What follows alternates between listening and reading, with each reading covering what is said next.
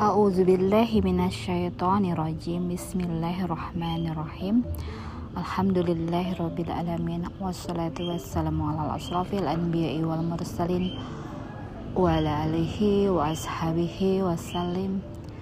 Assalamualaikum ya Rasulullah. Assalamualaikum ya Habibullah. Alhamdulillah sahabat filatil zannah. Sekarang kita akan lebih fokuskan ya uh, dari ayat per ayat agar lebih paham ya. Karena sungguhlah surah Al-Baqarah ini banyak sekali terkandung di dalamnya tazkiyatun nufus. Jadi bagaimana kita harus berusaha ya untuk setiap ayat jangan sampai ada yang terlewat bagian-bagian terpentingnya. Untuk itu kita harus bahas ayat per ayat karena ini sungguhlah membuat diri kita terrefleksikan dari segala tingkah pola kaum Bani Israel yang sebagian ingkar terhadap ayat-ayatnya Allah. Yang pertama di ayat ke-49 ya. Penyelamatan kaum Bani Israel dari cobaan yang Allah berikan kepada mereka dengan disembelihnya anak-anak laki-laki dari mereka dan dibiarkannya anak-anak perempuan dari mereka hidup. Ini adalah satu yang bagaimana Allah memberikan cobaan yang sungguhlah sangat berat ya. Kita bayangkan bila kita memiliki anak yang kita sayang, anak laki-laki yang sering sekali dijadikan headline bahwa anak laki-laki ini penerus dari keluarga. Ya, yang memiliki jumlah waris dua kali lipat dari dibanding dengan wanita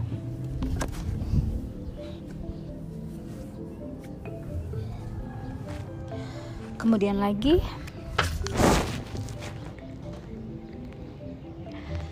jadi cobaan kita di dunia ini belumlah seberapa dibanding cobaan yang diberikan kepada kaum Bani Israel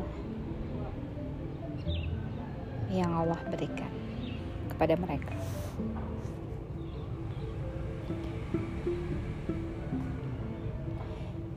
Jadi ini merupakan adalah cobaan yang Allah berikan kepada kaum Bani Israel. Bisa dibilang cobaan yang berat. Kemudian di ayat selanjutnya kaum Bani Israel menyaksikan kemahabesaran Allah. Diselamatkan dari kejaran Firaun dan bala tentaranya. Disaksikan di belahnya laut saat kaum Bani Israel dikejar-kejar oleh Firaun. Ini adalah tanda-tanda kekuasaan Allah yang Allah perlihatkan secara nyata kepada kaum Bani Israel. Di tengah ketakutan ya, dikejar-kejar oleh musuh ya, yang memiliki segala apa yang mereka bawa saat itu sangatlah terbatas ya. Kita ketahui bala tentara Firaun memakai kuda-kuda yang sudah terlatih dengan pasukan yang terlatih pula untuk menjejaki setiap titian saat memacu kudanya. di saat ketakutan yang mencekam. Allah memberikan jalan. Terbelahnya laut dan mereka pun diselamatkan. Melihat Fir'aun dan bala tentaranya Allah tenggelamkan. Maha besar Allah atas segala kuasanya yang Allah perlihatkan nyata di hadapan mereka.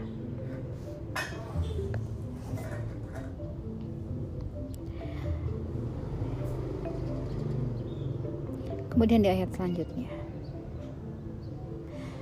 kaum Bani Israel tidak sabar saat Nabi Musa akan menerima wahyu dari Allah selama 40 malam. Apa yang mereka lakukan? Mereka menyembah anak, anak patung sapi. Namun apa yang Allah lakukan terhadap mereka di ayat selanjutnya? Allah mengampuni mereka. Agar mereka bersyukur dengan beriman kepada Allah, beriman kepada ayat-ayatnya Allah. Di ayat selanjutnya, Allah berikan kitab kebenaran atau yang disebut dengan Al-Furqan, kitab Taurat. Agar kaum Bani Israel memperoleh petunjuk dari kitab tersebut.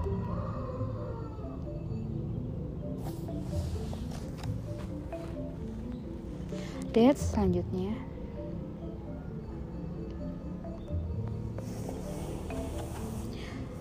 diterangkan tentang orang yang berbuat zalim pengingkaran terhadap pencipta di mana ruhani akan kembali kepada yang mencipta kembali kepada asal muasal. Di ayat ini juga diseru untuk bertobat. Membuang segala penyebab kezaliman yang mereka lakukan, yaitu hawa nafsu, sifat yang tergesa-gesa, tidak sabar, jauh dari berkoneksi kepada Allah, jauh dari mengingat Allah, mengingat apa yang dikatakan oleh Nabi Musa tentang firman-firmannya Allah. Mereka dikalahkan oleh keinginan dirinya sendiri. Inilah yang disebut dengan mereka menzolimi diri mereka sendiri dengan memperturutkan hawa nafsu, ego, segala bisikan setan, dan cinta dunia.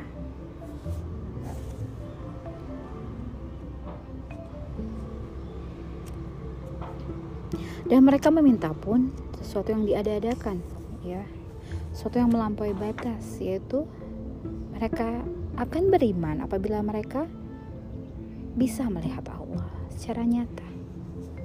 Apa yang balasan yang Allah berikan? Mereka tersambar petir. Sebenarnya dari tersambarnya mereka, ya, tersambarnya petir, ini menandakan bahwa permintaan mereka itu terkabul. Karena apa? atas segala permintaan mereka yang melampaui batas ya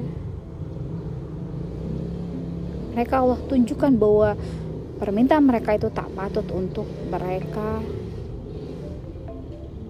mohonkan ya. karena sedikit sekali pengetahuan mereka tentang Allah bagaimana Allah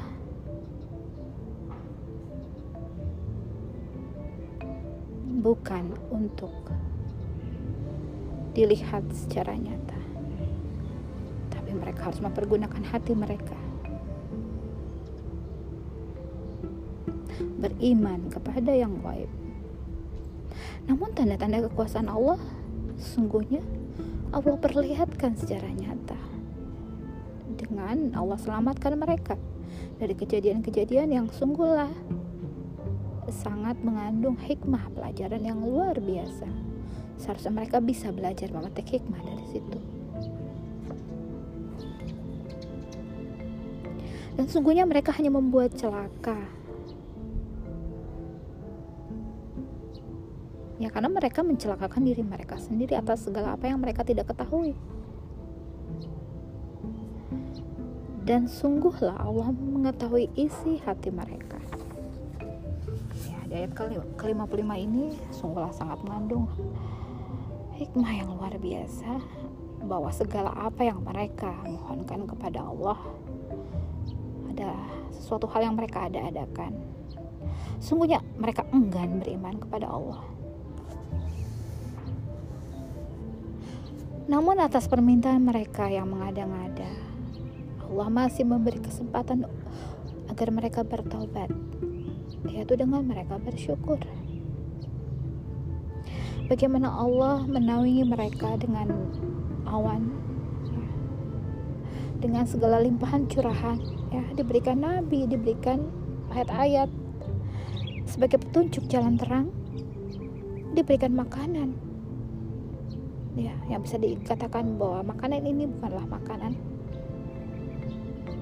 yang biasa namun makanan yang mengandung segala macam nutrisi segala macam kebermanfaatan yang terkandung di dalam man and salwa ini agar mereka mensyukuri atas apa yang Allah berikan kepada mereka berupa makanan yang halal dan baik juga menyehatkan. Atas segala pengingkaran yang mereka lakukan, sungguh mereka menjalimi diri mereka sendiri. Ya, zolim itu bisa dikatakan mereka ingkar, mendustakan. Lain di hati, lain juga di lisan. Ayat ke-58 selanjutnya Allah menjadikan Baitul Maqdis sebagai rumah bagi mereka. Makanlah dengan nikmat, mensyukuri. Ya.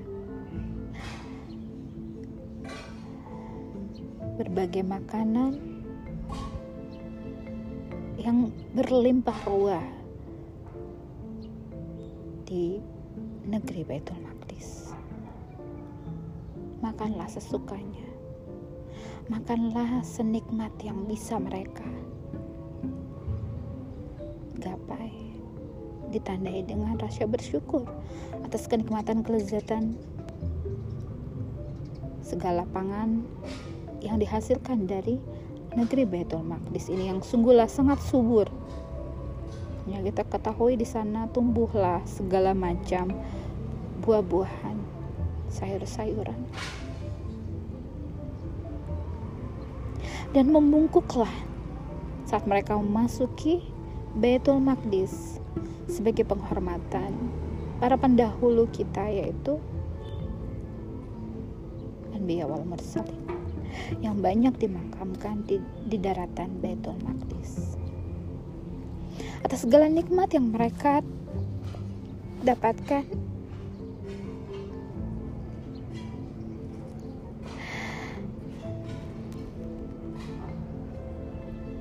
mereka berdoa.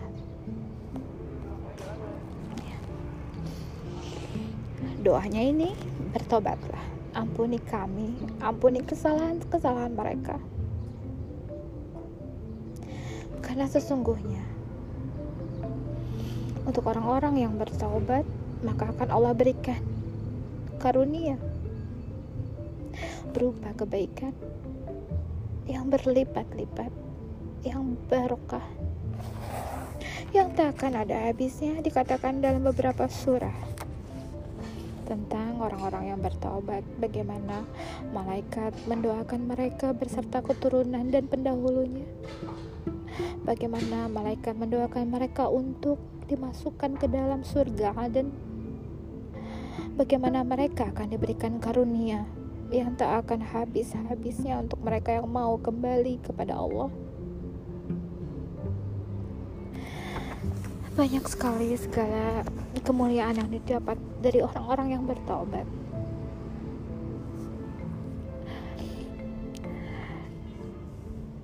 Di ayat selanjutnya, di ayat 59. Mereka berbuat kemungkaran dengan mengganti wahyu-wahyu yang Allah perintah. Ini adalah bentuk menzalimi diri mereka sendiri dengan berperilaku melampaui batas, tidak menjaga amanah, berbuat keburukan, atau disebut dengan fasik, melekat keburukan kepada mereka. Segala keburukan melekat kepada mereka. Kemudian dilanjutkan pada ayat selanjutnya.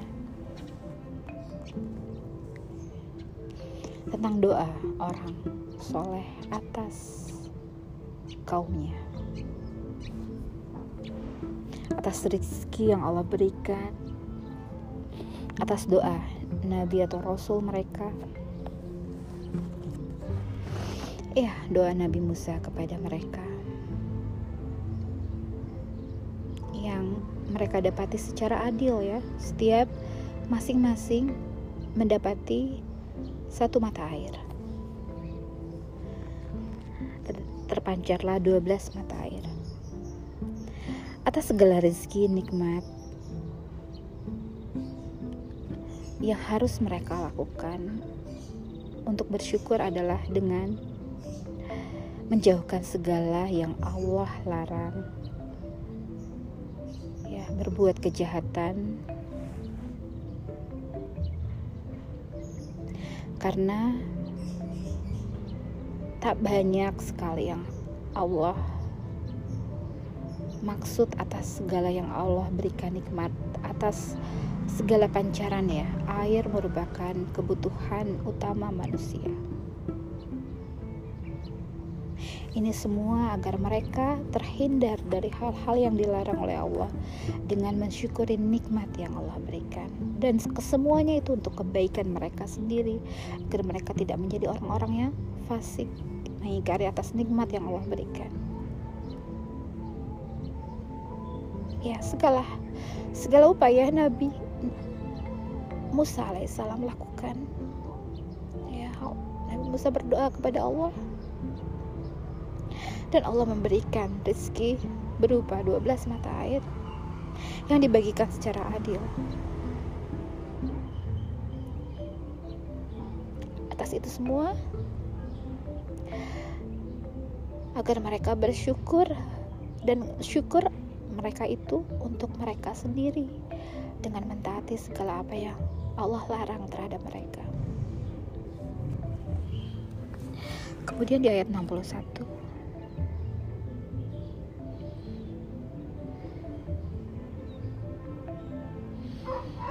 mereka meminta diberikan lebih dari pemberian yang Allah berikan. Ini adalah tanda-tanda orang yang tidak bersyukur. Ya. Tidak melakukan sesuatu pada tempatnya. Setelah demikian diberikan Allah segala kenikmatan dari makanan yang Allah khususkan bagi mereka. Mereka masih menawar untuk sesuatu yang tidak lebih baik daripada yang Allah berikan. Manan sawah yang terpikir oleh aku Allah walam bisawab adalah makanan yang berasal dari surganya Allah.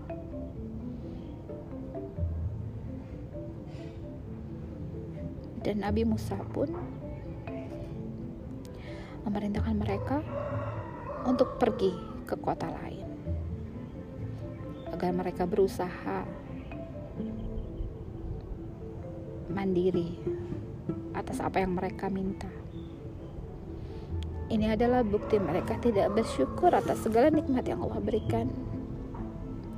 Mencari nikmat-nikmat selain yang Allah berikan sehingga mereka ditimpa kenistaan dan kemiskinan serta kemurkaan dari Allah. Ya, inti dari ayat ke-61 ini adalah mereka ingkar terhadap ayat-ayatnya Allah. Tidak bersyukuri nikmat yang di depan hadapan mereka yang Allah berikan yang begitu sangat khususon spesial buat mereka sungguh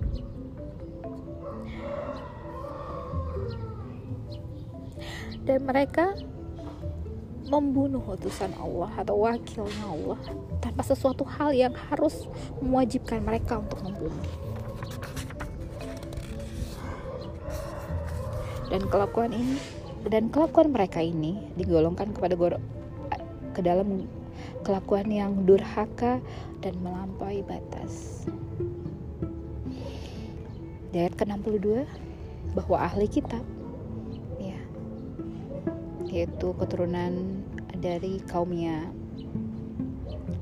dijelaskan ya yang beriman kepada Allah dan hari akhir dan melakukan amal soleh mereka mendapatkan pahala dan tidak akan ada rasa takut dan tak akan bersedih hati.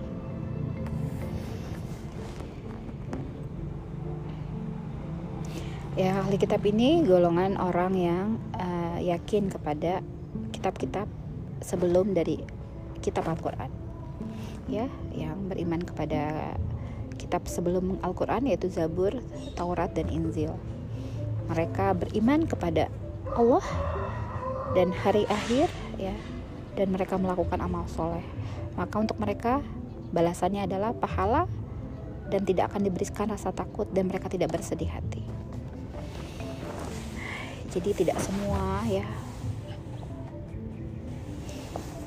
ada golongan orang-orang yang beriman yaitu dari ahli kitab yang beriman hanya kepada Allah dan meyakini akan adanya hari akhir. Dan mereka melakukan amal soleh dan balasan untuk mereka semua ini adalah pahala tidak ada rasa takut dan tidak bersedih hati. Lanjut di ayat ke-63. Tentang sumpah ya, berjanji atas kuasa Allah. Bersumpah di bawah gunung Sinai sebagai saksi. Berpegang teguh berpegang teguhlah kepada kebenaran yaitu Taurat ya Al-Furqan. Ya, yang di dalamnya terdapat ayat-ayatnya Allah mengandung kebenaran dan kebaikan. Kesemuanya ini agar mereka bertakwa.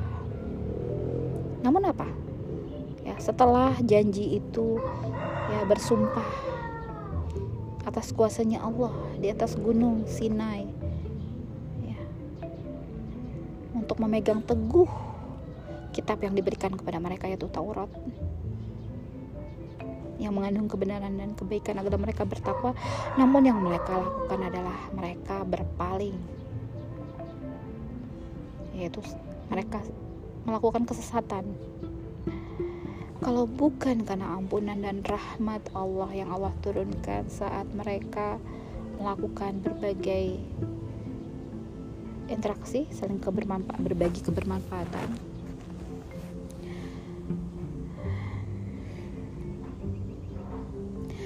Kalau tidak atas ampunan dan rahmatnya Allah mereka akan dalam kondisi yang menghinakan tidak ada jalan pulang.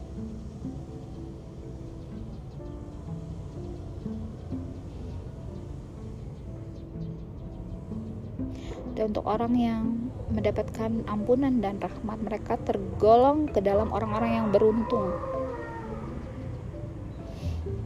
Dan sebagian yang tidak melakukan apa yang diperintahkan oleh Allah mereka berpaling dari ayat-ayatnya Allah dalam keadaan sesat mereka dalam kondisi yang menghinakan. Di mana pada ayat selanjutnya dikatakan tentang hari sabat di mana mereka melakukan pelanggaran. Ya mereka dijadikan kera yang hina.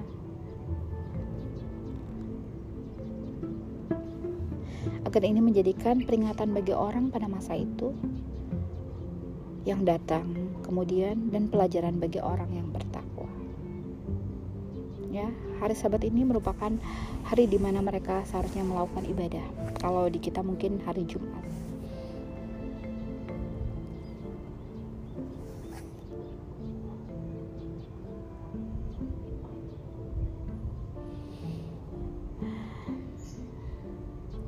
Perbuatan mereka yang seenaknya, zalim terhadap diri mereka sendiri ini tidak patuh. Memperturutkan hawa nafsu, menghinakan diri mereka sendiri dengan perilaku mereka.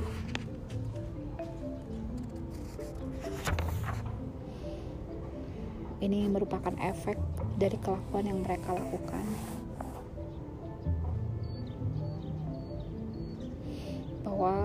Bila mereka melakukan hal sesuka hati mereka, sama saja mereka menzalimi terhadap diri mereka sendiri dengan tidak patuh, dengan memperturutkan hawa nafsu dan menghinakan mereka dengan perilakunya sendiri. Agar semua ini bisa terhindari, cukup dengan ya, beriman kepada ayat-ayatnya Allah, apa yang dikatakan Allah, diyakini dan dilakui, ya, supaya mereka mendapatkan ampunan serta rahmat dan mereka termasuk dalam golongan orang-orang yang beruntung. Ya, mudah-mudahan ini uh,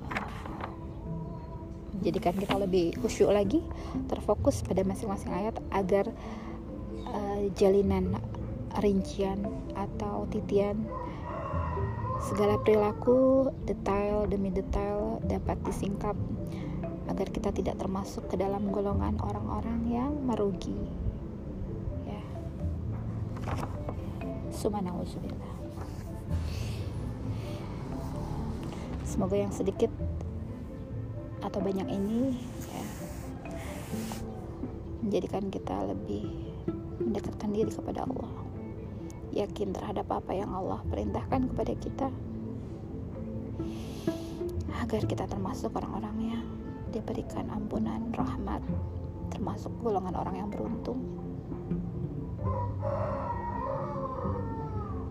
Sesungguhnya Allah menyuruh kita untuk bersyukur, menyuruh kita untuk beriman adalah untuk kebaikan kita sendiri, untuk kebahagiaan kita sendiri, untuk kenyamanan kehidupan di dunia dan di akhirat, teruntuk kita sendiri.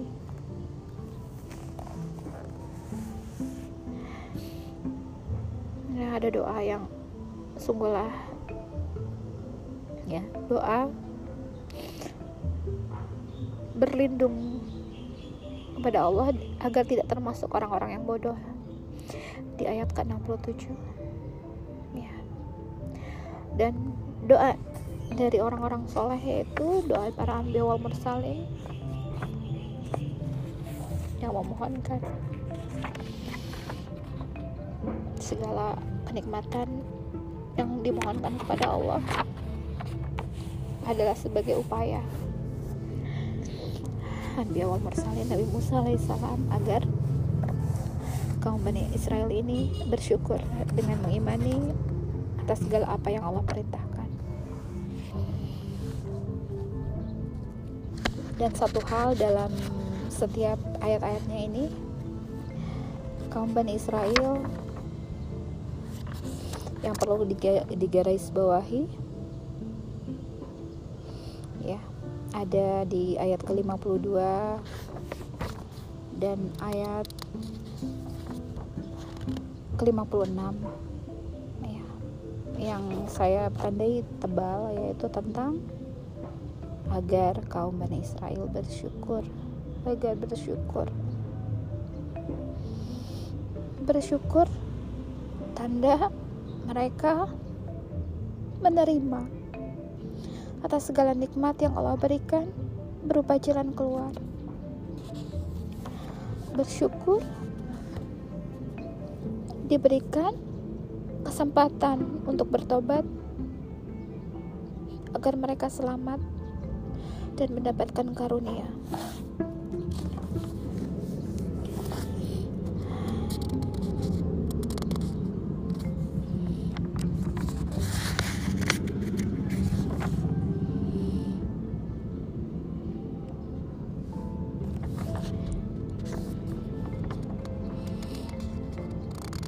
dan mereka selalu meminta Nabi Musa untuk memohonkan doa untuk mereka.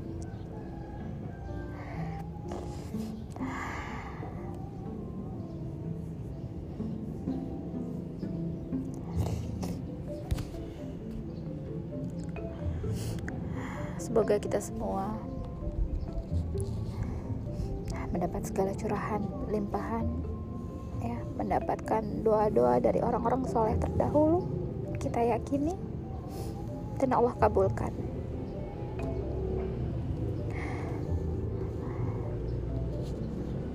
Subhanarabbika rabbil izzati amma yasifun wa salamun ala mursalin walhamdulillahirabbil alamin. Wabillahi taufik wal hidayah. Assalamualaikum warahmatullahi wabarakatuh. Wallahu a'lam bishawab. Segala kebaikan berasal dari Allah dan segala hilaf dan salah mohon dimaafkan.